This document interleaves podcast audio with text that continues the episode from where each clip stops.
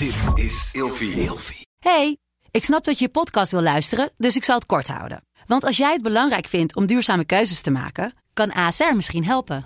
Nou hoor ik je denken, hoe dan? Nou, bijvoorbeeld bij het duurzaam herstellen van schade. Of de premies die we beleggen volgens ons duurzaam beleggingsbeleid. Dat bepaalt waar we wel en juist niet in investeren. Wil je meer weten over welke duurzame keuzes ASR maakt? Ga dan naar asr.nl slash duurzame keuzes. ASR doet het. Zo, dan kan je nu lekker naar je podcast luisteren. Je ziet dat de Oekraïne wat ze doen, ze maken gebruik van publieke infrastructuur. Scholen, ziekenhuizen, ehm, eh, eh, shoppingmalls. Om daar hun militairen te huisvesten, trainingen te doen en spullen te schuilen. En je ziet wat de Russen doen, het is is wat dat betreft geen zak. En ze pakken elke keer pakken ze die doelen pakken ze gewoon aan. Dus eh, een beetje in de trant van: oké, als jij bereid bent, Oekraïne, om jouw militaire eh, middelen, hè, dus wapens, trainingen, eh, trainingen met, met, met westers materiaal, javelins, antitanksystemen, stingers te doen in scholen, dan zijn wij bereid om die scholen plat te gooien. Want voor ons, komt ie, dus ik, niet dat ik het zeg, voor ons, als ik me inleef in de positie van een ander, is dit een legitiem militair doel. De vraag is, Mark, is wie heeft er nu gelijk?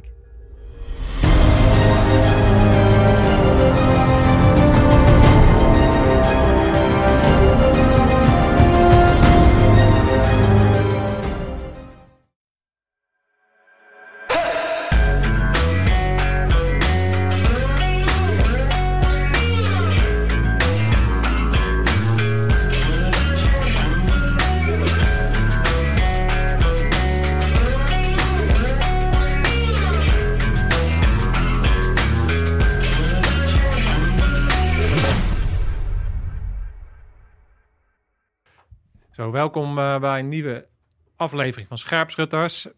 Ehm, wij gaan, eh, vandaag gaan wij het hebben over de Oekraïne. Ik heb heel weinig gepost eigenlijk over de Oekraïne. En dat heb ik ook een beetje bewust gedaan. Ik vind het altijd lastig als zoiets gebeurt en er komen zoveel informatiestromen op me af. Om dan maar gewoon wat te posten. Want ik merk zelf dat ik dan denk, ja oké, ik weet helemaal niet wat er aan de hand is. Ik heb me nog niet goed genoeg ingelezen. Maar jij uh, appte mij gisteren en zei: Mark, uh, laten we een podcast uh, doen en laten we de Oekraïne pakken. En toen dacht ik: ja, ik weet er niet genoeg van. Ik ga hier ook niet heel veel over zenden. Maar ik weet zeker dat jij daar heel veel zinnige dingen over te zeggen hebt. Dus ik vind het tof dat je er bent. En ik ben benieuwd wat jij te vertellen hebt en wat, jij, wat jouw observaties zijn over, dit, over deze vreselijke oorlog die er gewoon gaande is nu in Europa. Ja. Dus tof dat je er bent. Ja, dankjewel. Ik denk uh, dat uh, wat je zegt, uh, Mark, dat dat eigenlijk, eigenlijk een beetje de doelstelling voor deze podcast is. Hè? Niets is wat het in eerste instantie lijkt. Ik denk dat dat een hele goede grondhouding is. Ik ben zelf ook een week of drie, vier heb ik me stilgehouden. En ik denk dat dat ervoor zorgt dat je wat afstand van de zaak neemt en goed kan kijken van, oké, welke informatie komt er op me af? En niet eens welke informatie, maar welke soort informatie, van welke set aan, aan, bronnen. Ik denk dat, uh, dat dat heel belangrijk is. En uh, ik denk dat voor uh, vandaag, omdat ik jou gisteren eigenlijk appte, zijn eigenlijk twee dingen. Is dat we onze Rammers community wat perspectief geven eigenlijk op de zaak. En vooral aanmoedigen om vooral zelf ook kritisch te blijven kijken. En maar ook kritisch te blijven nadenken van wat zie ik? Waar komt het, van, waar komt vandaan? Wat is de doelstelling die erachter zit? En eigenlijk altijd wat eigen onderzoek te doen. Al is het maar wat, uh, wat, wat googlen om voor jezelf een beter beeld uh, eigenlijk op te bouwen.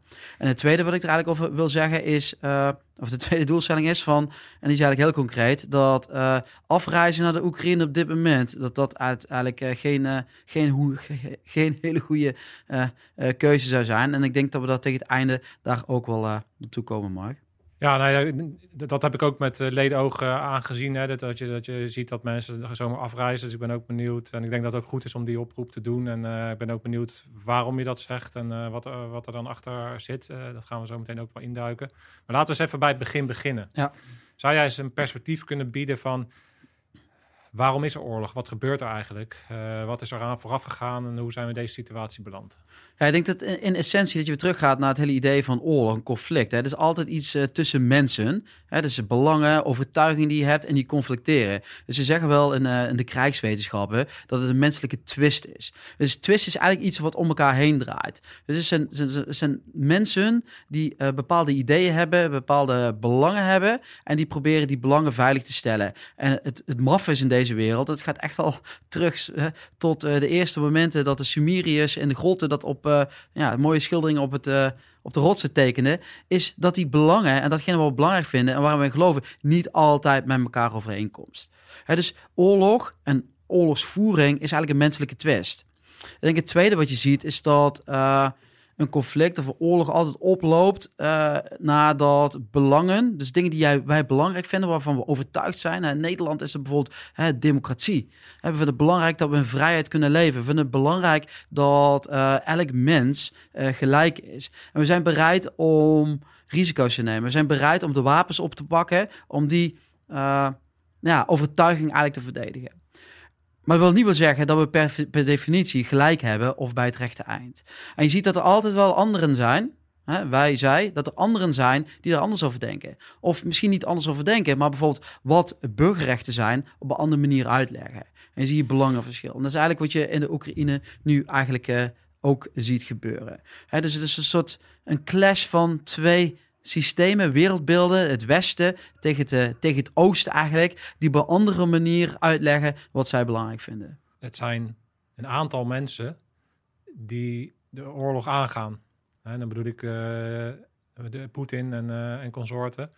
En, en, niet zozeer het Russische volk, ja. wat, wat er nu voor kiest. En het is niet zozeer de, de, de Oekraïners die voor een bepaalde strategie kiezen of een bepaalde insteek. Maar het is Zelensky natuurlijk een bepaalde uh, houding inneemt en die daarin zijn volk uh, meeneemt. Ja, dat is best een lastige vraag. Hè? Want hoe wij zeg maar, hier in Nederland ook eh, de wereld aanschouwen, is de wereld tussen goed en slecht. Het is een binair systeem. Zoals je computer werkt, is een nulletje of een eentje.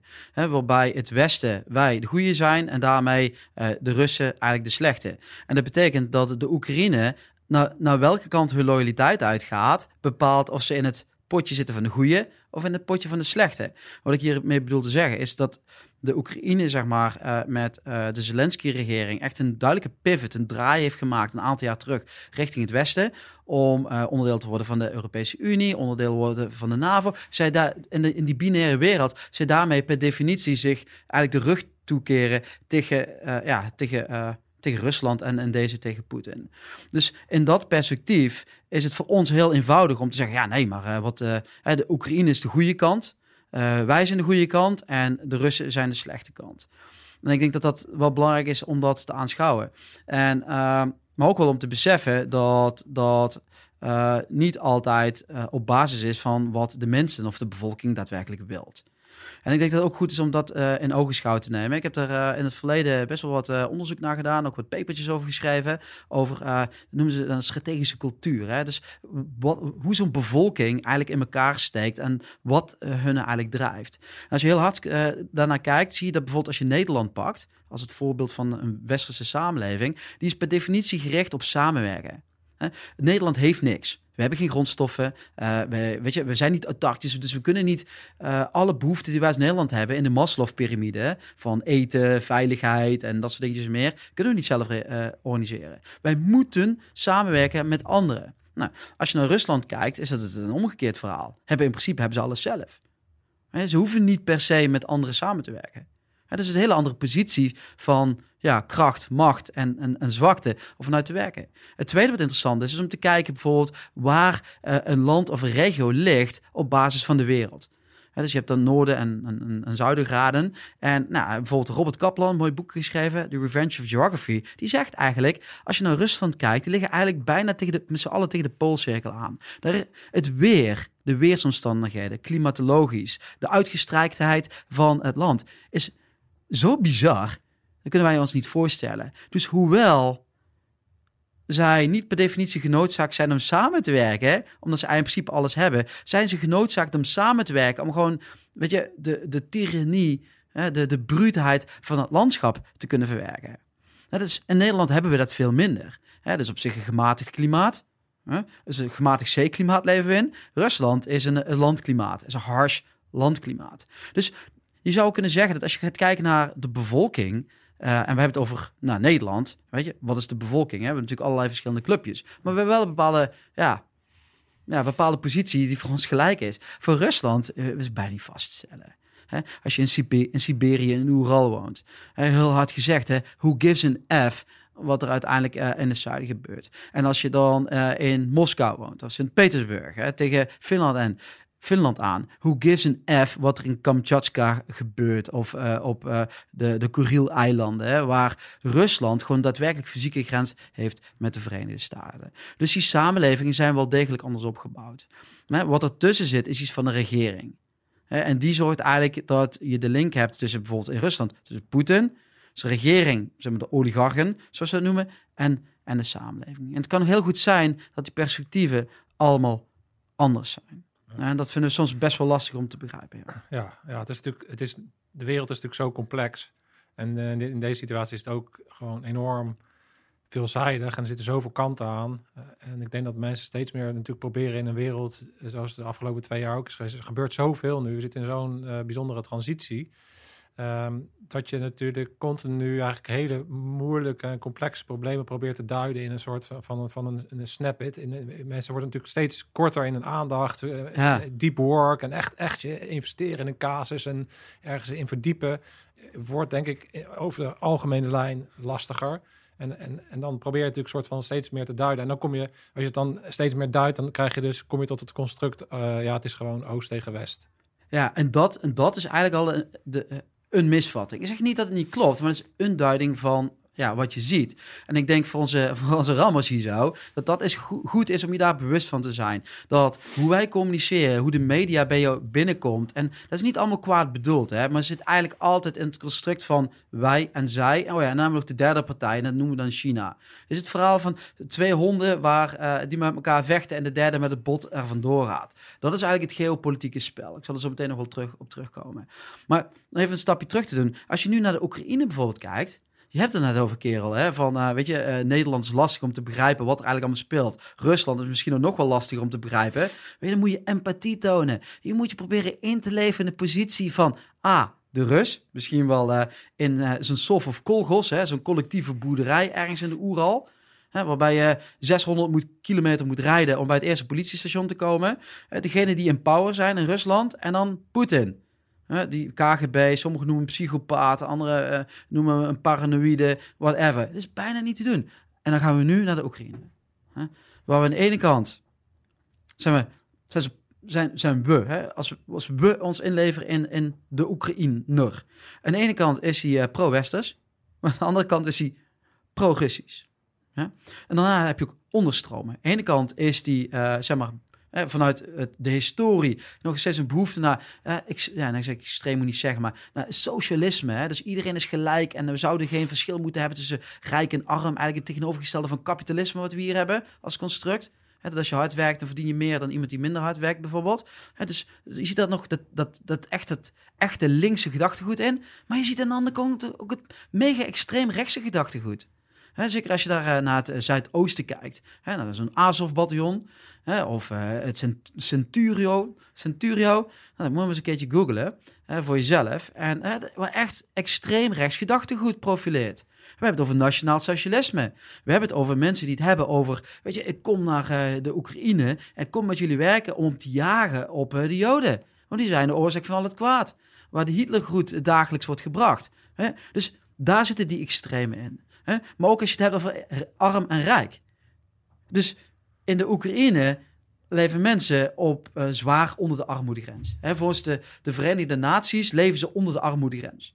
Maar aan de andere kant wonen er ook de rijkste mensen in de wereld. Met de grootste uh, petrochemische oliebedrijven, uh, maar ook ICT en, en, en, cyber. Want als er lui goed zijn in, in cyber en het programmeren, dan zijn het de Oekraïners. Heel veel bedrijven ook heel veel vrienden van mij in de IT zitten, die werken met Oek Oekraïnse programmeurs. Dus aan de andere kant heb je ook de, de lui, hè, want de Oekraïne is de, de graanschuur van Europa. Aan de andere kant is het de, de, de, de metaverse van, van Europa. En probeer daar maar chocola van te maken. Een land wat misschien wel uh, zes of zeven keer, nou, een aantal keer groter is dan Nederland. Een land met 44 miljoen inwoners. Een land wat een historie heeft, wat teruggaat tot uh, de Saracenen, wat teruggaat tot uh, nou, zeg maar, moslimoverheersingen, Perzische Rijk, uh, wat ook teruggaat tot de eenwording van de Sovjet-Unie in 1922. Toen de Russen de, de, de, de tsaristen versloegen, de Romanov-familie. Mooie Netflix-documentaire trouwens over. Geeft heel mooi perspectief. Verslagen eigenlijk worden door een burgeroorlog. En uiteindelijk waarin Lenin in 1922, geholpen trouwens door Hitler, hè, geholpen door Hitler, in, in, de zetel wordt gezet. Het communisme van Karl Marx brengt. En 1922 de Sovjet-Unie sticht.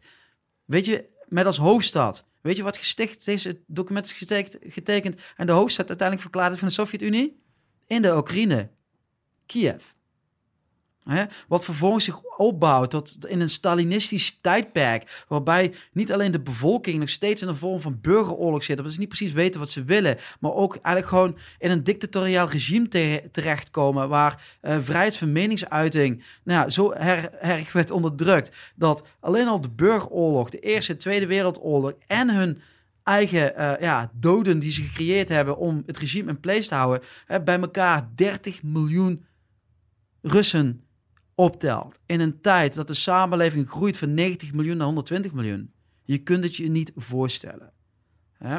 En dat is de wereld van de westerse wereld, de Russische wereld, als een soort van rivaliserende systemen met er binnen de Oekraïne. En of de Oekraïne goed of slecht is, hangt er vanaf in welk kamp je ze plaatst.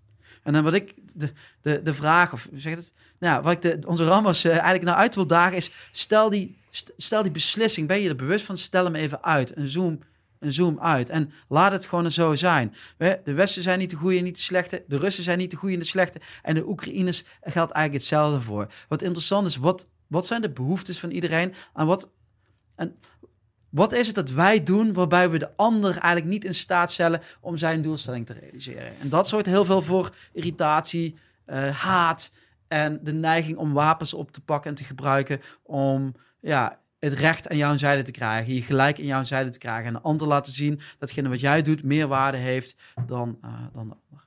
Ja.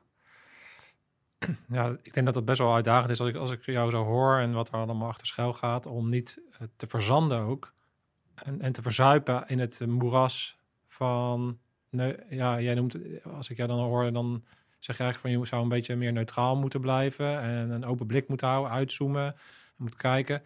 Maar hoe ga je daarmee om op het moment dat er natuurlijk emoties bij komen kijken? Want op het mhm. moment dat, dat je... Uh, nou, ik heb gisteren toevallig een uh, documentaire zitten kijken. En je ziet dan de humanitaire ramp die zich daar afspeelt. En je beseft je als Nederlander uh, dat, dat dat in, in ons achtertuin is. En je voelt je toch op een of andere manier ver, verbonden. omdat het Europa is. En, en, en, je ziet kinderen die daar vermoord worden. En je gaat dan mee in de narrative. Hoe, hoe, hoe, hoe zou jij een tip kunnen geven dan om emoties en ehm, die neutrale blik uh, met elkaar af te stemmen? Nou, ik denk dat, dat die ruimte voor emoties, dat het goed is om die ook bij jezelf te herkennen. En ik denk dat het ook goed is om uh, bij jezelf te graven waar ze vandaan komen. Nou, zodat je ze uiteindelijk beter begrijpt. Uh, het eerste wat ik even recht wil zetten als, als dat die idee mag zijn. Ik heb die niet over degene die gelijk heeft of recht heeft die vraag geldt voor mij niet. Want wat dat betreft blijf ik toch wel een beetje bij de, de Aziatische krijgsheren. Is, uh, weet je, wat uh, Sun Tzu vroeger zei, is van... Uh, the strong ones, the winners, take what they can and the losers suffer what they must. En wat niet goed is, wat je wel natuurlijk elke keer ziet gebeuren. Want als je wint, de bovenliggende partij bent, over het algemeen heb je gelijk en heb je het recht aan jouw zijde. En als je verliest, dan heb je geen gelijk en heb je geen recht. En dan ben jij eigenlijk altijd degene die gestraft wordt voor het leed, wat eigenlijk in de clash van die twee systemen plaats heeft gevonden. Mooi voorbeeld is natuurlijk de Eerste Wereldoorlog, waarbij uh, de, de Duitsers eigenlijk vochten tegen de Fransen, de Britten en uiteindelijk ook de Amerikanen, tegen de geallieerden, waar een aantal landen natuurlijk ook neutraal in waren. En dat conflict is opgelost door middel van het verdrag van Versailles. Wat voor de geallieerden een vredesverdrag was, wat voor de Duitsers een oorlogsverklaring was. Ja. waarbij het gelijk en het recht aan de zijde zat van degene die gewonnen hadden, of aan de zijde za- zat van degene die het conflict uiteindelijk niet gestart was. En wat ook, het, ook natuurlijk de uitgangspositie is. Kijk, op dat moment eh, waren de winnaars, hadden waarschijnlijk het gevoel, we hebben hier gewonnen. En die waren blij met dat verzag.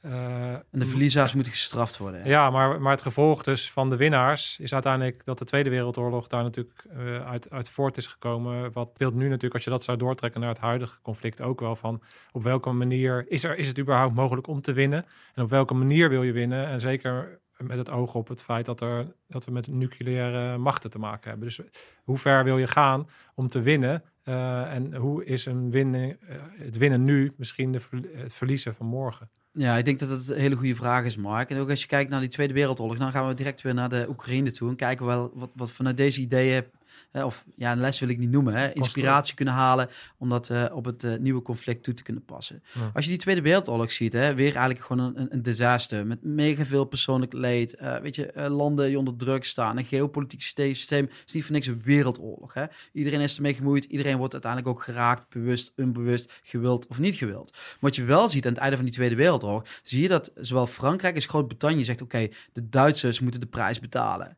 Weet zij zijn er begonnen, weet je, en dat is onacceptabel. Mee eens, hè, op het gebied van de genocide, eh, vervolging van Joden, Sinti, en dan gaan we zomaar door. En dus wat, wat Duitsland en Frankrijk wil, is eigenlijk Duits, nee, wat Groot-Brittannië en Frankrijk wil, is Duitsland terugbrengen tot noemen ze een archaïsche samenleving. Eigenlijk een soort boerensamenleving. Waar je misschien wel de achtergebieden van Rusland of de middengebieden of de oostelijke gebieden van Oekraïne ja, zou, toe zou kunnen bestempelen.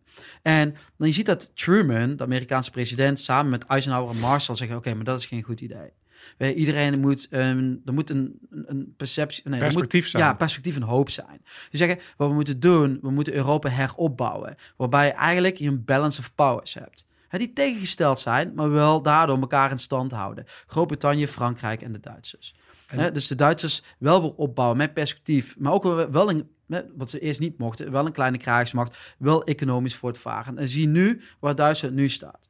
En dat, en dat is uiteindelijk hetgene wat daar is gebeurd met perspectief ten opzichte als je het, eh, de Eerste Wereldoorlog heeft tot de Tweede Wereldoorlog gele- geleid.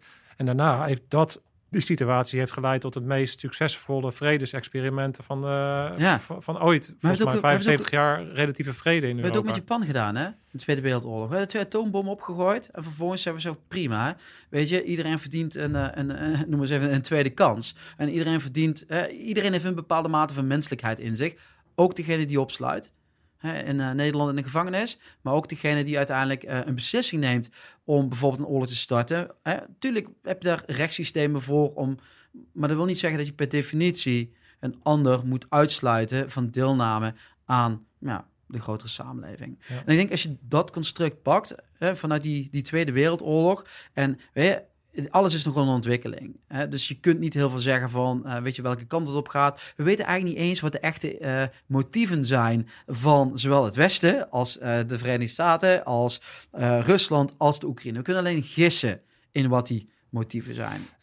Laten we wat meer weer induiken op- op de Oekraïne. Kan jij eens vertellen ehm, waarom dit moment? Waarom heeft. Eh, eh, heb, heb, heb jij bekeken van waarom zou Poetin, eh, Rusland, dit moment gekozen hebben om deze stap naar een kinetische oorlog te zetten? Nou, kijk, ja, dat kun je doen. Ik denk dat er twee dingen relevant zijn. Ergens, ergens is er een, een tripwire afgezet. Ergens is er een grens overschreden om nou, voor het Poet- Poetin-regime uiteindelijk de beslissing te nemen om met harde middelen eigenlijk de Oekraïne in te gaan. Hè, als je naar mij vraagt, ik vind de geschiedenis, historie vind ik altijd fascinerend. Wat ik niet wil zeggen dat het uiteindelijk bepaalt, hè, dus dat bijna deterministisch is, dat de, de volgorde in de geschiedenis, in de tijd bepaalt dat dit nu gebeurt, dat niet. Maar het is natuurlijk wel maf dat als je het terugbrengt naar eh, ja, de val van, van de Berlijnse muur, eh, weet je, eh, rond eh, 1990, is eh, dat eh, Poetin eh, eigenlijk vrij snel in zijn zetel of power komt in Rusland. En dat hij eigenlijk al twintig jaar lang zegt van, weet je, Rusland wordt vernederd. Rusland verdient een andere plek op het geopolitieke bestel. En elke keer als hij vanuit, ik probeer nu op zijn, Ja. tenminste dat perspectief aan te pakken. Dus niet goed te praten of iets, maar probeer me in te leven in wat, wat zijn narrative kan zijn. Ja. En vanuit de informatie die hij krijgt. En hoe hij naar de wereld kijkt. Ik kan me goed voorstellen dat die 20 jaar een vernedering eh, vormt. Hè? Als we kijken naar die, eh, die- convenanten en de gesprekken die hebben plaatsgevonden, ook met, eh met ehm, eh, eh, Madeleine Albright bijvoorbeeld, hè, de minister van Buitenlandse Zaken van de VS. En die zegt het ook in haar toespraak achteraf. Zegt van ja, het Russische regime zegt eigenlijk eh, dat eh, wat hun behoefte is, is om de glorie van het Russische Rijk te herstellen. Wat eigenlijk al 150 jaar in verval is. En ze noemen dat Ruski Mir. Ruski Mir is eigenlijk het idee van, ja, wat wij in het Westen ook hebben, dat we superieur zijn aan anderen. Hè, dat, dat we het hebben, dat, dat die cultuur, hoe we samenwerken, dat die iets is wat bewonderenswaardig is en wat ons helpt door eh, ja, de dansen destijds eigenlijk te, te doorstaan. En ze zegt ook van eh, dat, eh, dat, ja, dat, dat hij het gevoel, nee, dat hij eigenlijk zich baseert op twee afspraken die er gemaakt zijn. Dus enerzijds dat eh, de NAVO eh, geen eh, landje pik doet richting Rusland toe. Want het Warschau-pact, de tegenpool van de NAVO wordt eigenlijk opgegeven. En dat Europa eh, zich inzet om de Russische economie met de westerse economie eigenlijk te verbinden. Nou, als je het vanuit het Russische perspectief, vanuit Poetin bijvoorbeeld beschouwt, zijn er twee dingen niet gebeurd. Hè? Dus we hebben wel in zijn perspectief landje pik gepleegd. En ik kan dat uitleggen met argumenten waarom dat, dat niet zo is. Maar ik probeer het mee te leven in zijn perspectief. En het tweede is, we hebben die economie niet met elkaar verbonden. Sterker nog, elke keer als eh, de Russische beer iets doet wat ons niet bevalt, wat doen we? Wat doen we? Sancties, En wat voor sancties? economische sancties. Economische sancties. En dat doen we eigenlijk al twintig jaar. Dus ergens in dat perspectief zit er een tripwire die hem triggert. Hè, om eroverheen te stappen. Het tweede, hè, die vraag die stelde, waarom nu, is eigenlijk heel actueel. Dus waarom dit moment? Ik denk dat dat nog gissen is. En ik denk dat we de archieven over jaren 50 open moeten. En dat we dan gaan zien wat het daadwerkelijke perspectief is. Maar wat ik fascinerend vind, is als je bijvoorbeeld kijkt naar de Krim. Dus de Krim-annexatie vond plaats in de afsluitingsceremonie. Is de eerste stap. Van plaats in de afsluitingsceremonie van wat? De Olympische Spelen. In Sochi, in Rusland. Nou, wat zie je nu? De Olympische Spelen vinden plaats, volgens mij is het in Beijing, hè, in China. En hij wacht tot op de laatste dag, is afgesloten. En hij treedt uiteindelijk naar binnen toe. Dus er zijn van die dingetjes Oh ja. die, ja, Nee, je weet het niet, maar het is wel opvallend.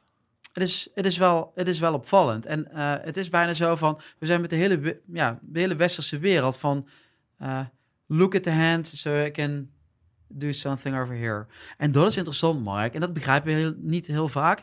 En eh, de kolonel Han Bouwmeester, eh, raad ik ook iedereen aan om die even te googlen.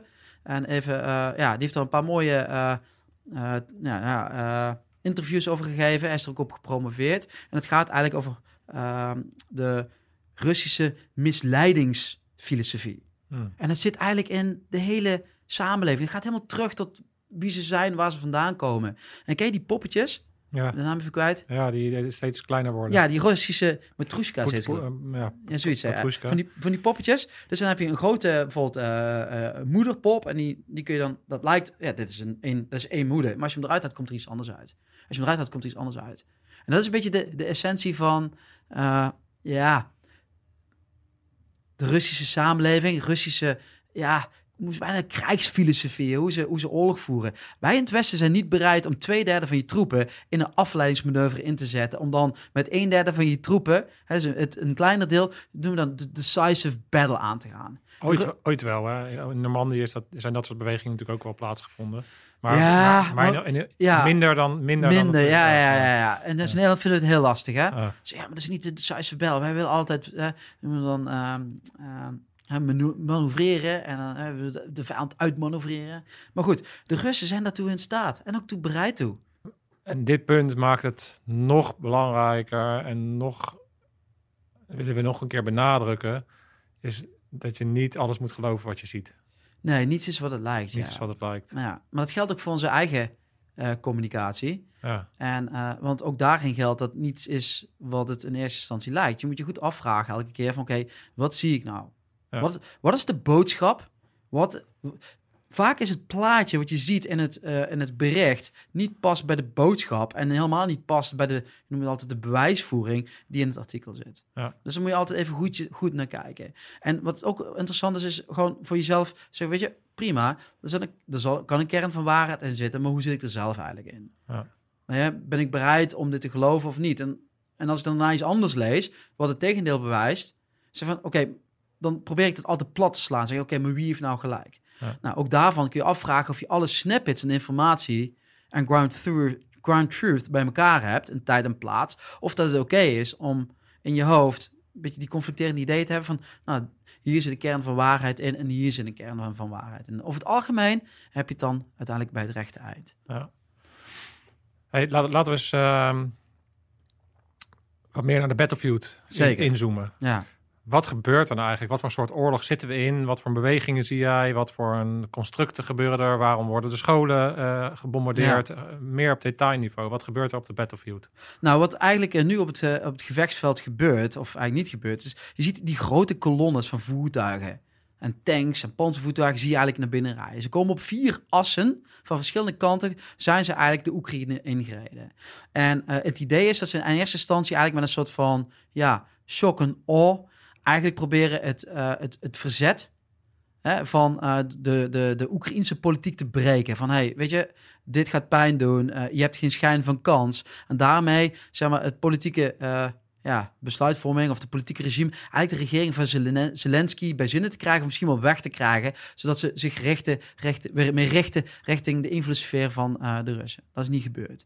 Het tweede wat je ziet, is dat Oekraïne meer verzet ja, genereert en meer verliezen toebrengt aan de Russen dan sowieso wat wij hadden verwacht. Nou, wat de Russen hadden verwacht is een beetje dubieus, maar het idee is wel dat, dat de, de impact en het aantal tanks wat uitbranden en hoe lastig het is om het land binnen te komen, dat het minder goed lukt. En het maffe is, dat hebben we eerder gezien. De eerste Tsjetsjeense oorlog hebben we dat ook gezien. Wat je toen zag, was dat wat de Tsjetsjenen deden met Grozny, die lokten de Russen naar binnen toe, de steden in. Waarbij die grote voertuigen hebt, die vliegtuigen die je hebt, hè, informatiedominantie die je hebt over tegenstander, niet meer uitmaakt. Je kunt een piecemeal noemen ze. In kleine stukjes, hè, zoals je eigenlijk een olifant eend, in kleine stukjes kun je de tegenstander kun je verslaan. Hè. In de Tweede Tsjetsjeense oorlog hebben de Russen hebben ze daarvan geleerd en ze hebben de Russen het anders aangepakt. Ook met grote kolonnes naar binnen gereden. Wat ze toen probeerden te doen, is de steden te isoleren. Ja, niet naar binnen te gaan, je isoleert ze. Eigenlijk een soort siege warcraft. En dan, Hè? en dan Dus- uitputten. Ja, uitputten. En wat je eigenlijk doet is, eh, dat vinden wij, is allemaal ethisch niet oké, hè? En niet volgens de conventie van Genève. Maar het idee is, als je, als je die, eh, eh, die steden eigenlijk gewoon plat gooit met artillerie, eh, met luchtstenen en dat soort zaken, kun je uiteindelijk de wil breken van de vijand. En daarmee politieke doelstellingen realiseren. En dat is nu wat je langzamerhand ziet gebeuren. Je ziet dat die steden worden omsingeld. En dat is, dat is wel nog steeds niet goed gelukt. Hè? Kiev is nog niet omsingeld. Mariupol is omsingeld. Hè, maar Kharkiv is nog niet omsingeld. Dus die grote steden zijn nog niet omsingeld. En dat is waar Rusland niet meer worstelt. Het tweede wat je ziet is het verzet van de Oekraïne. En dit is eigenlijk gewoon counterinsurgency. Dit is wat je zag in, de eh, in Afghanistan, waar wij in hebben gezeten, alleen van de andere kant. Dit is, dus je ziet Oekraïne, de, die wij als westerse wereld omarmd hebben, onze, onze partner, past eigenlijk ja, irregular warfare, guerrilla warfare toe op een strijdmacht of een, of een macht die dat eigenlijk dat grootschalige conventionele op, optreden toepast. En Dus wat zij doen, ze verschansen zich in die infrastructuur. En hier wordt het best wel dubbel. En ik denk dat voor de rammers probeer je je waardeoordeel even uit te schakelen. Hè, en even niet uitschakelen aan de kant te zetten. Gewoon eens even te kijken wat er gebeurt. Jezelf in te leven in de positie van de Rus en de positie van eh, de Oekraïnse militair of soldaat. Dus kijk, je moet goed beseffen dat elke militair complex, loopgraaf, bunker, eh, site, eh, iets wat je kunt verdedigen of waar je eh, commandovoering vanuit kunt doen, is bekend voor de Russen. Ik zou je sterk vertellen, Mark. De Russen hebben ze zelf gebouwd. Die hebben de bouwtekeningen. Hè, zoals van het, het theater van, van Mariupol, wat gebombardeerd is door de Russen. Waar heel veel, nou, het idee is, heel veel burgerslachtoffers zijn gevallen. Hè, de, de verhalen gaan en de bouwtekenen zijn er, dat er onder C2-bunkers zaten. Die ook weer gebruikt werden door eh, ja, milities van de Oekraïne. Hè, De waarheid, de waarheid zal, eh, zal eh, de waarheid moeten uitwijzen in de tijd. Dus dat is het eerste. Dus die Russen weten precies waar de vliegvelden zijn, waar de bunkers staan, waar eh, de C2-bunkers staan, waar je, je je luchtdoelraketten neer kunt zetten. Ja? Dus die Oekraïners hebben eigenlijk geen schijn van kans. Dus wat, wat je nu ziet gebeuren, is dat die Oekraïners eigenlijk proberen de Russen in de stad naar binnen te zuigen, want daar hebben zij het voordeel. Daar kunnen ze uiteindelijk ook hun eigen bevolking beschermen, hoe dubbel het vaak klinkt. Dus wat je ziet nu gebeuren, en dat, nou, dat zie je ook bij een aantal gerenommeerde uh, nieuwssites, hè, ABC, maar ook wel ANP. Nou, dat is echt oorlogsfotografen van, van allerlei kanten. En Al Jazeera, die, die, die, die pakken dat nu op. Je ziet dat de Oekraïne, wat ze doen, ze maken gebruik van publieke infrastructuur. Scholen, ziekenhuizen, um, uh, uh, shoppingmalls om daar hun militairen te huisvesten, trainingen te doen, hun spullen te schuilen. En je ziet wat de Russen doen, het is wat dat betreft geen zak. Hè? En ze pakken elke keer pakken ze die doelen pakken ze gewoon aan. Dus eh, een beetje in de trant van: oké, als jij bereid bent, Oekraïne, om jouw militaire uh, middelen, hè, dus wapens, trainingen, hè, trainingen met, met, met westers materiaal, javelins, antitanksystemen, stingers te doen in scholen, dan zijn wij bereid om die scholen plat te gooien. Want voor ons Komt ie. Ik, niet dat ik het zeg. Voor ons, als ik me inleef in de positie van een ander, is dit een legitiem militair doel. De vraag is, Mark, is wie heeft er nu gelijk? Ja. Wie heeft er gelijk? En probeer eens in te leven in die van, van de Oekraïner. Je, nu zijn wij Oekraïnse stofeenheid. Wat zou jij doen? Ga je op de kazerne zitten? Of ga je op een plek zetten die jouw bescherming biedt, hè, waarbij je in jouw belief, in jouw geloof, het beste kunt doen voor jouw samenleving. Want die Oekraïners vechten niet voor een, een groter doel, hè? of voor een, een, een heilige graal. Sommigen wel, kom misschien straks nog wel even op, waarom dat je niet naar de Oekraïne moet reizen. Maar die vechten ook voor een man, vrouw, kinderen, samenleving, mensen, huis, alles.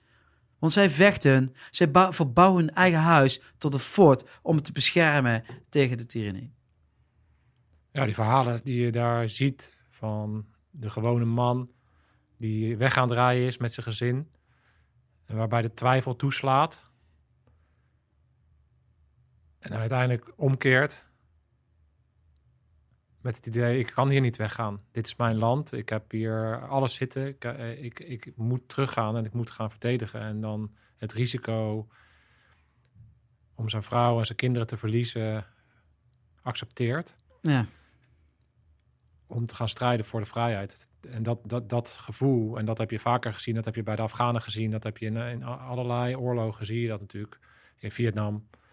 Uh, op het moment dat je daartegen moet strijden, ben je als tegenstander vaak trek je aan het kortste eind. Omdat dat gevoel van samenhorigheid, wat Zelensky heel goed weet te bundelen, ja, ja dat is natuurlijk zo, zo krachtig. Ja. Nou, dat is, dat is ook wat je, denk ik, wat je nu ziet. Maar het geeft wel duivelsdilemma's. Hè? Vragen over ethiek en over moreel. Wat is, wat, wat is, wat is verantwoord? Hè? Hoe ver blijf je trouw in je eigen ziel? Maar hetzelfde geldt natuurlijk voor die Rus. De Rus die uit Kamchatka komt, of uit de Oeral komt, of uh, misschien wel uit Moskou komt, hè? dus uh, een eenzijdig beeld krijgt. Dan kun je je afvragen van, ja, is hij bewust van zich eenzijdig beeld of niet? Maar als je uit de Oeral komt, je hebt altijd op de, trak, de tractor gereden en je zit nu in zijn, in zijn voertuig. Maar is dat hetzelfde? Want als je dat vergelijkt naar waar wij zijn in Afghanistan geweest. Maar zou jij, heb jij daar met hetzelfde gevoel gevochten? In, het, in de, de, narrative van wij, wij vechten daar over zee ja. Voor de vrijheid, zodat we thuis die vrijheid hebben. Dat was een beetje zo'n soort van een narrative waarop veel militairen, denk ik, dan uh, dat konden rechtpraten wat we daar aan doen waren. Maar is dat hetzelfde als dat jij dat de Duitsers hier uh, staan en jij daadwerkelijk letterlijk je vrouw en kinderen aan het beschermen bent? Ik denk dat je toch je zit anders in de strijd. Ja. ja en nee. Kijk, als ik naar mezelf kijk in Afghanistan, uh, ja, natuurlijk, je vecht voor de vrede en veiligheid en ook voor de mensen daar zo. Maar wat het echt om gaat is, je echte loyaliteit is de soldier next to you. Als je nou bedoel. En wat mijn ervaring is, is when shit hits the fan, wordt de wereld steeds kleiner. Dus op een gegeven moment denk je niet meer aan thuis in Nederland. Dan denk je alleen maar aan de gast naast jou. En dat is de wereld waar je in leeft. Ik kan me goed voorstellen dat dat voor de Oekraïense militair, dat het zo werkt. Dus dat je, in, als, je in, als je eigen huis tot fort hebt gebouwd, weet je, met eh, nog een paar maten, weet je, de Russen komen eraan en op het moment dat je die trekker overhaalt, dan wordt de wereld steeds kleiner. En dan, dan is het op een gegeven moment niet meer familie wat je doet. Hè? Dus je, stelt, je stapt zelf in de line of fire om die gast die naast jou zit, die misschien net tien dagen krijgt. Hè? Als je het hebt over eenheid, die misschien net tien dagen of minder kent, om die uiteindelijk een kans te geven om te overleven. En als je dat neerlegt op de Rus, die die is misschien uit, ja, ze, ze komen tot aan Kamchatka. 2600 kilometer. Hebben we nooit van Oekraïne gehoord? Sommigen. En dan, dan zit je daar in zo'n kolonne. En dan eh, word je, eh, zie je de tank voor je exploderen. Eh, de BNP, hè, het panzerinfanterievoertuig achter je, de lui stijgen uit en er worden neergegund. Maakt het dan nog heel veel uit in waar je in gelooft? Of doe je datgene wat noodzakelijk is in plaats en tijd om de andere een kans te bieden om te overleven? En volgens mij is dat hetgene wat, eh, nou ja, warriors eh, of soldaten, militairen ook verbindt. Maar ook dat het, hè, we hebben het ook gezien bijvoorbeeld in eh, Stalingrad, Tweede Wereldoorlog, hè, waar de Duitsers en de Russen elkaar helemaal kapot hebben geslagen. En toen de vrede werd, hè, toen de wapenstilstand werd afgekondigd, gingen ze met elkaar een hapje eten. Of Eerste Wereldoorlog. Eh, in negen- 2000, eh, was het? Nee, 2000. Eh, was het 1917. Echt mega. Er werden Honderdduizend slachtoffers op een dag. Kerstfeest, twee dagen geen, eh, geen, je dat? geen belegeringen, beschietingen, staakt het vuren. En zowel de Duitsers als de Fransen deden gezamenlijke maaltijden, kerstmaaltijden, met elkaar in het midden van het strijdtoneel eh, bij elkaar neerleggen. En volgens mij is dat ook iets wat speelt. En wat heel lastig is om bij onze bewindspersonen neer te leggen, maar ook bij bijvoorbeeld commentators neer te leggen, die nu continu de duiding geven van alle problematiek, hè, wat allemaal geopolitiek is en dit is wat Rusland wil en de NAVO hier en grenzen en democratische waarden en dat soort shit. Maar uiteindelijk, wat, precies wat je zegt, Mark, wat er op het gevechtsveld down, down, down to earth, boots on the ground plaatsvindt, is heel iets anders. En ik denk dat het daarom belangrijk is, is dat je als je eh, ja, iedereen vindt er wat van. Iedereen heeft, raakt het je emoties, mij ook. Weet je, als je die beelden ziet, zijn hartverscheurend. Maar ook goed om goed te kijken van welke elementen van informatie krijg je binnen. En je ook, ja, toch ook goed te kijken van, eh, ja, hoe kun je ervoor zorgen dat je iets van een soort van ground truth, hè, dus de signalen van daadwerkelijk vanaf de grond die nu plaatsvinden, om die eh, bij jezelf binnen te krijgen. Niet omdat dat vertelt wat waar is en niet, maar om jou te helpen om je in te leven in de situatie daar op de grond. Ja, ehm, ja, heel mooi. Ik denk dat we ehm, groot hebben gekeken. Perspectief, hoe positioneer je hoe is het op het wereldterrein. we hebben wat ehm, andere perspectieven erbij gehaald. Ja, we hebben naar de Oekraïne gekeken. Het clasht. Ja, we, bedoel- we zijn, een, we zijn een ja. oorlog. Ja. Kan jij vanuit, de- vanuit de informatie die jij nu ziet, is een aantal mogelijke scenario's schetsen en de gevolgen daarvan? Van wat, als ik het heb over uitkomst. Ja, ik denk eerst wat je moet doen, ga ik doen, Mark. Het eerste denk ik wat- wat je moet doen is, het is echt lastig om hierover te spreken met elkaar. Hè? Want we vertrekken allemaal vanuit een ander vertrekpunt. is iets van een metafoor gebruiken om, ja, zodra merken om in te kunnen denken. Ik denk dat het spel van schaken relevant is. Hè? Zeker omdat schaak heel populair is in Rusland. Rusland ja. En ook in de westerse wereld. En eh, een paar mooie films over, over westerse en, en, en ja, noem maar eens even oosterse eh, schaak eh, ja, grootheden. Hè, eh, Queen's Gambit, een mooie film trouwens. We moesten kijken, dat gaat precies hier eigenlijk over. Maar schaken, in schaken zijn eigenlijk drie uitkomsten. Je verliest, je wint of je hebt een remise.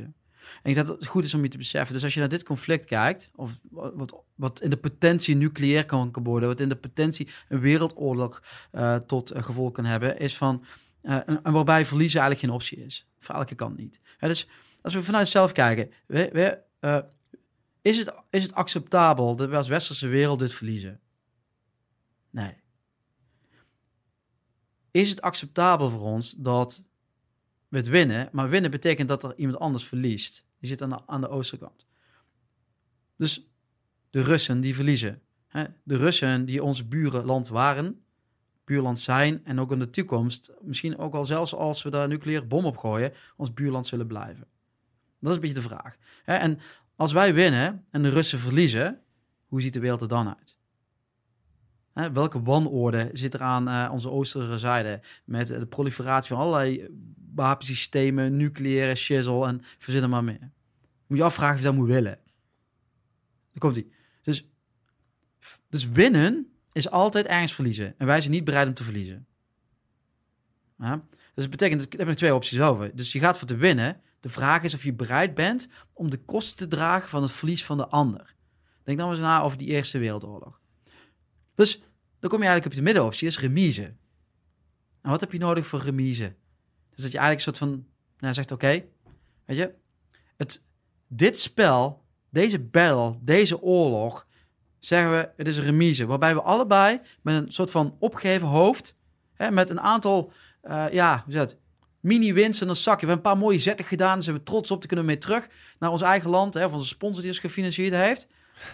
Maar we weten dat in de toekomst dat er nog een aantal keer een spelletje gespeeld gaat worden op dit schaakveld. Ja. Hè? Want dat is geopolitiek. Geopolitiek houdt nooit op. Als je de Russen uitkrast uit de wereldpolitiek, dan is er een ander die het gat invult. En je mag zelf invullen wie dat dan eventueel zou kunnen zijn. Dat is de eerste. Dus, dus dat is een beetje het, mantra wat in zit. Als je gaat kijken naar uitkomsten, Mark. Hè?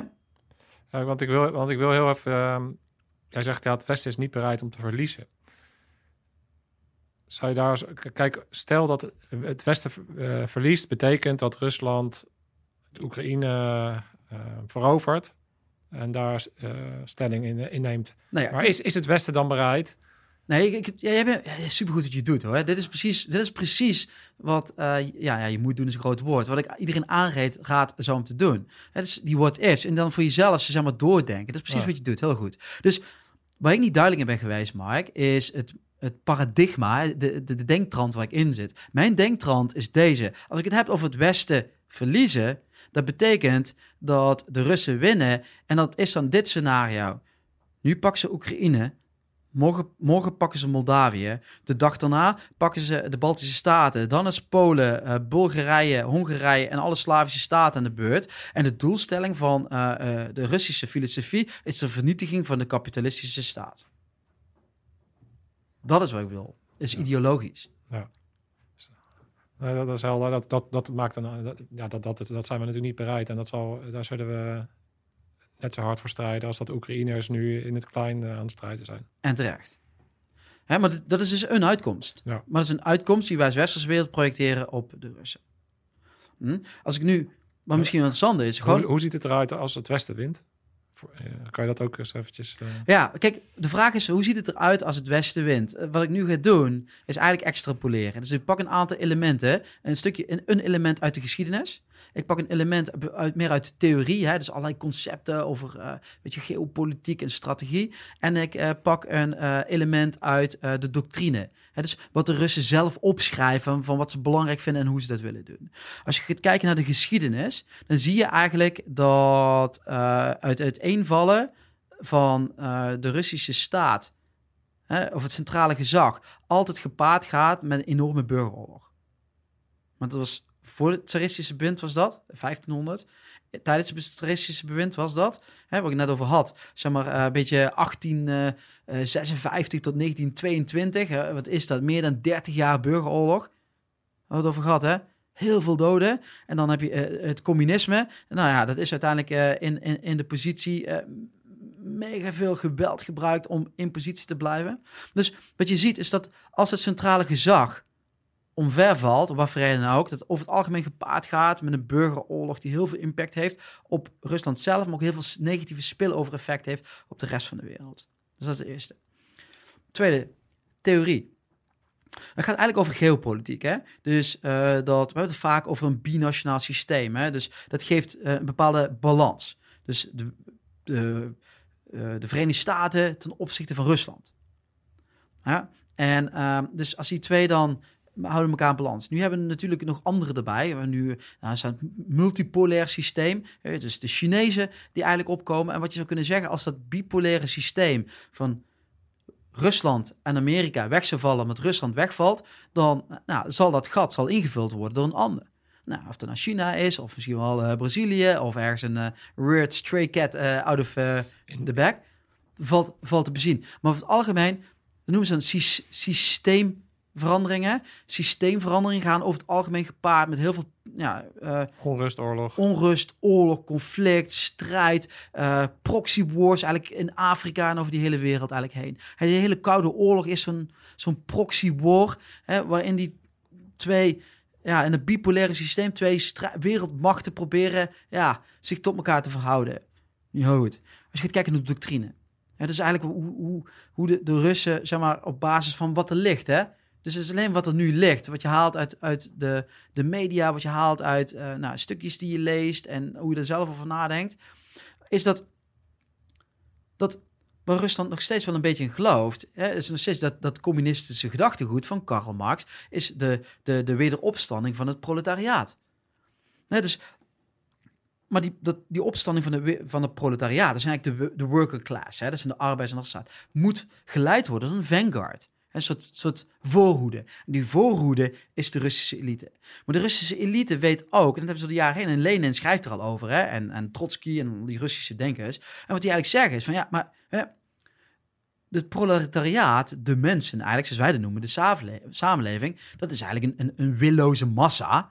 Weet je, die, die, die, die zich laat drijven door haat, emotie en, uh, en uh, wat is het? Uh, haat, emotie en dan hebben ze nog eentje. ja, paniek eigenlijk. Hè? Dus dan moet je eigenlijk, dat moet je eigenlijk uitdempen. Het helpt, helpt niet om weet je, er bovenop te komen. Dus eigenlijk zie je dat, hm, zowel vanuit de historie, vanuit de theorie, zeg maar, geopolitiek, maar ook een beetje hoe ze zelf denken hoe het zou moeten gaan, hoe het werkt, dat als het Russische regime, dus Poetin met zijn oligarchen, omvalt, heel veel onrust, turmoil. Uh, ja, dus de vraag is of je het moet willen. Machtsvacuum, zoals je ook bij Tito natuurlijk in, uh, begin jaren negentig hebt gezien. Uh... Voorbeelden te over. Ja. Ja. ja. Oké. Okay. Dus, ja. Nee, dat, dat, dat, dat, dat, is, dat is helder. en dan, je had het over de, het scenario remise. Ja, dus het zijn winnen en verliezen, die eigenlijk twee slechte opties hebben. Dan heb je het over remise. Ja. Een remise betekent eigenlijk dat uh, we elkaar de hand geven. En zeggen van, uh, we, agree, we agree to disagree. Weet je, we hadden allebei, allebei zijn we over, overtuigd, misschien zijn we allebei overtuigd van het feit dat de andere het wedstrijdje had kunnen winnen. Ja. En dat dit een, een goede is om uh, mee, uh, mee weg te stappen. Snap je bedoel? Ja. Maar allebei ben je content. Je hebt allebei, een, je, je, neemt een stukje verlies en je neemt een stukje winst met je mee. Snap je bedoel? Ja. En dat is, en dat is remise. maar dat betekent, dat betekent, een voorstel voor een remise is alleen relevant als ik jou kan voorstellen wat jij nodig hebt. Als, ik ben zelf schaker. Ik, uh, als kleine jongen leerde ik schaken. En uh, ging ik altijd bij mijn opa, ging ik uh, elke woensdagmiddag ging schaken. Wat ik daar lastig aan vind als je die vergelijking gebruikt, is dat je als schaker bijna alleen maar naar een remise toebeweegt op het moment dat bijna alle schaakstukken weg zijn. hey, maar is dat niet hetgene wat nu gebeurt? Dus als je nu kijkt naar de Oekraïne, waarbij uh, de, Oekraïne, eh, de Oekraïne gebruik maakt van, uh, ja, heel hard gezegd, hè, uh, rechtsextremistische milities, met een president, helemaal terecht, hè, en ik volg hem, met van Joodse kom af, zijn hele familie verloren in de genocide maar genoodzaakt is gebruik te maken van extreemrechtse milities. Uh, ze gebruik maakt van datgene wat uh, voor de bevolking heel belangrijk is. Hè, wat je niet wil dat getarget wordt. Ziekenhuizen, scholen, instituties. dus, dus dat je dat al bereid bent te gebruiken. Russen die bereid zijn om zelfs, je ziet nu al, wapensystemen in te zetten. Hè, zoals die supersonische raket waar worden wij heel blij van als westerse wereld als je ze inzet. Hè? Op het moment dat je ze inzet, kunnen wij uitrekenen wat de risico's zijn als je die inzet tegen ons. Hè? Dus, allebei zijn ze zaken op de lijn aan zetten waarvan je af kunt vragen of ze echt helpt. Weer, is dit niet, zoals ze dat in de Queen's Gambit noemen, hè? een pawns game, een pionnenwedstrijd? Hè? Want wat schaken, wat een remise belangrijk is, weet je wat, wat ook belangrijk is voor remise? Is wat, wat jouw posities zijn op het schaakveld. Ja. En niet wat ze zijn, maar wat de dreiging is, het potentieel wat er van uitgaat. is dat niet wat we nu in het zien zijn? En, bewe en, en, beweging is heel belangrijk. Als je kijkt van, uh, naar remise en bewegen en zo. Kijk, uh, je hebt bepaalde uh, schaakstukken die natuurlijk heel veel kunnen bewegen. En heel snel over het hele bord kunnen bewegen. Maar je hebt ook schaakstukken zoals de koningin natuurlijk maar één stapje kan zetten. Ja, en weet je, het daadwerkelijk uitschakelen van de koningin van de ander gebeurt nooit, hè? het is schaakmat. Totdat je geen andere opties hebt. Koning bedoel ik trouwens. Ja. Koningin kan eh, alles. Ja, ja. maar het gaat over de schaakmat. Ja. Het gaat niet over daadwerkelijk verslaan van je tegenstander. Het gaat erover dat de ander inziet dat hij geen kans heeft Ja. van slagen en eigenlijk opgeeft. Ja. En dat is ook weer Aziatische wijsheid, hè? Dus je hebt pas gewonnen als de verliezer zijn eigen verlies accepteert. Ja. Maar hè, is dit niet hetgene wat... eh, nee, laat zo zeggen. Is dit niet een perspectief om te duiden wat er gebeurt... en dat we met z'n allen ingaan tegen conventies van Genève... met, met z'n allen ingaan tegen onze eigen principes... Zoals Nederland ook, hè? maar ook bijvoorbeeld de Duitsers. Weet je, het leveren van wapens, wat in hun constitutie eigenlijk zo goed als helemaal dichtgetimmerd is en niet gebeurt, als je nu wel doet. Hè, dat we de laatste pionnen, hopelijk de laatste pionnen van het veld het wegslaan zijn. De laatste pogingen hè, van het potentieel wat we zien om te kunnen winnen, eigenlijk van het gevechtsveld afbewogen worden en waar we uiteindelijk naartoe bewegen. Naar Is- remise eh, mogelijkheden. En dan, en dan komen we dan op eh, diplomatie uit. Nee, je- uiteindelijk kom je altijd op diplomatie uit. Want waar we mee begonnen van de- deze podcast, het is een zou, je, zou, je dan, zou je dan eens kunnen kort, eh, kort kunnen reflecteren op de positie van Zelensky en de mogelijkheid tot een diplomatiek remise-achtig einde? Je kunt verschillende neerleggen. Wat, wat interessant is, laat ik er twee doen. Want ik wil niet één neerleggen, want dat is mijn zienswijze. Ik zal er twee neerleggen. Hè, dus de, een hele negatieve en een hele positieve. De hele negatieve is, is dat Zelensky eigenlijk door de westerse wereld een beetje in is ge, geluisterd. Door eh, dat we hem, eh, niet hem, maar eigenlijk de Oekraïners. Zelensky als het orgaan wat de Oekraïners vertegenwoordigt. Hè, met eh, de, wederops, of de, de opstand op het Maidanplein in 2014, waarbij ze Poroshenko eruit gooien en zich eigenlijk ontwrichten aan eh, ja, de oppressie van een Russisch likable regime in de Oekraïne.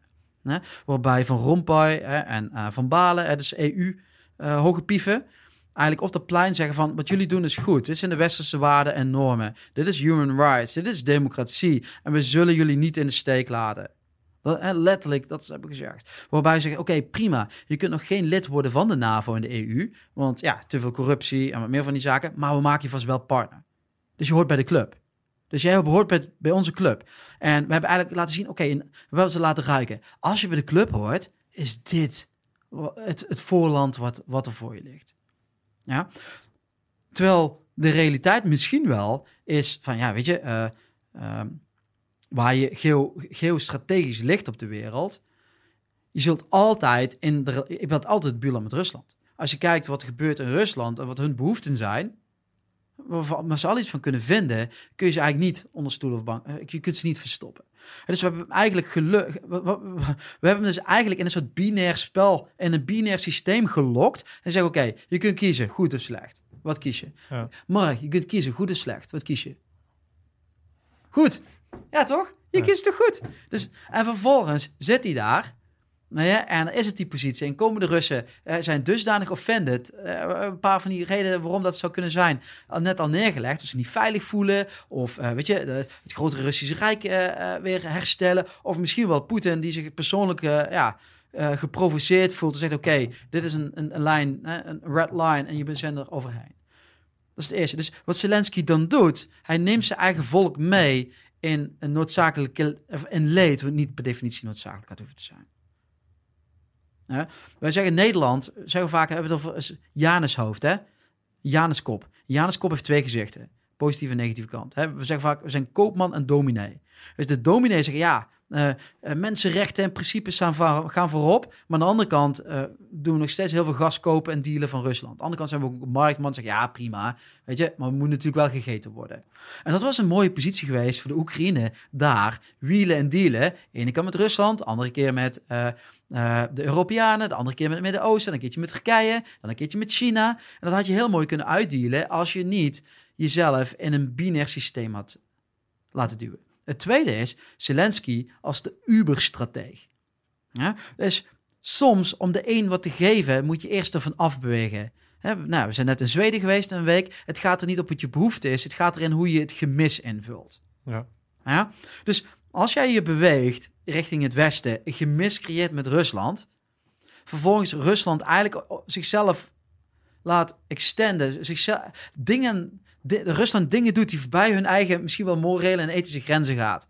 Wat het regime van deel misschien wel in de problemen brengt. En om dan terug te bewegen richting Rusland en die middenpositie te claimen. Zeggen, oké, prima, neutraliteit kan ook goud zijn. Alleen de vraag is, eh, weet je, en dat is, dat is tijd zal het leren. Wat is het menselijk leed uiteindelijk waard? Wat is de prijs? Ja, dus een positieve en een negatieve eh, ja, ja, inleiding. Dus of eh, Zelensky eh, eigenlijk als een clown die eh, in een, eh, zoals Poetin het benoemt, eigenlijk in de, valk, de valkuil van het Westen is gestapt. En Rusland zal laten zien dat je ernaast zit. Of Zelensky, en niet de individu, hè, maar als, als Ja, ja. de Oekraïnse entiteit. identiteit, die eigenlijk de masterstratege is, die eigenlijk gewoon twee grootmachten, die eigenlijk gefocust zijn op elkaar, uiteindelijk om zijn vinger heen, vinger heen wint en uiteindelijk middellange en lange termijn doelstellingen of positie, identiteit veiligstelt. Want als er iets niet in vraag is, is het de Oekraïnse identiteit. Ja, mooi. Eh, ik bedoel, mooi van hoe je, dat, eh, hoe je dit allemaal eh, op deze manier neerlegt. Ik denk heel eh, waardevol. Dus ik wil je heel erg bedanken voor... Ik één vraag Ja. beantwoorden, Mark? Oh, welke vraag? Waarom moet je niet, Niet, naar naar Oekraïne Oekraïne. Oh ja, die zouden nog even... Ja. ja, zou je nog even willen tackelen. Ja, zeker. Kijk, ik denk dat eh, eh, het gesprek wat we hier hebben gehad, eigenlijk dat in de essentie weergeeft. Niets is wat het lijkt. En ehm, ik ben ook iemand die, eh, ik strijd voor mijn waarden, normen, belief. En ik strijd voor de, de maten en de collega's na me, anytime. Je kunt me altijd bellen als je me nodig hebt. Ik zal er staan. Maar ik denk wat je goed moet beseffen is, nou, zeker wij zijn special operations gasten uit de oude tijd. Maar goed, we, we geloven nog steeds in het ide- ideaal. Maar wij zijn niet overwinnelijk. Wij zijn niet onoverwinnelijk. Wij zijn onoverwinnelijk als we er zijn met elkaar. Als we er zijn niet alleen met SOF, hè, maar ook met enablers en alles wat erachter staat.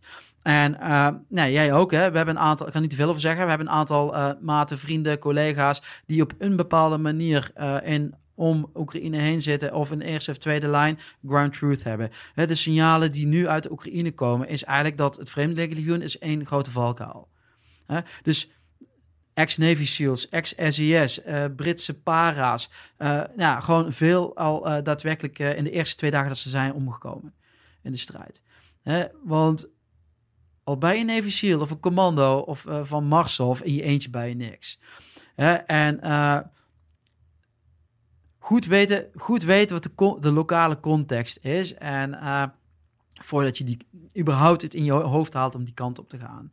Hè, nogmaals, niets is wat het lijkt. Er zijn verhalen en je kunt ze vinden ook op eh, Instagram en dat soort zaken van Amerikaanse militairen die erheen zijn gegaan. Twee, drie dagen eh, zeg maar, daar zijn geweest, terug zijn gevlucht en een appel doen aan ons om niet te komen. Want voordat je het weet, zit je in een, in een, een militie die of extreem links is of extreem rechts is. eh, of je bent, zit in een, in een, een soort van je noemen ze een doodseskader, wat eigenlijk in een soort crimineel circuit mensen het uitschakelen is in de Oekraïne, waarvan je achteraf je afvraagt of je dan nog wel in het rijden met jezelf kunt zijn. Dus eh, als je iets wil doen, dan eh, denk er goed over na wat je doet. Hetzelfde geldt met geld overmaken. Hè? hè. Zo goed dat je trackable en traceable uitzoekt waar het geld heen gaat en hoe je uiteindelijk dat geld uiteindelijk bij de mensen komt die het het meest nodig hebben.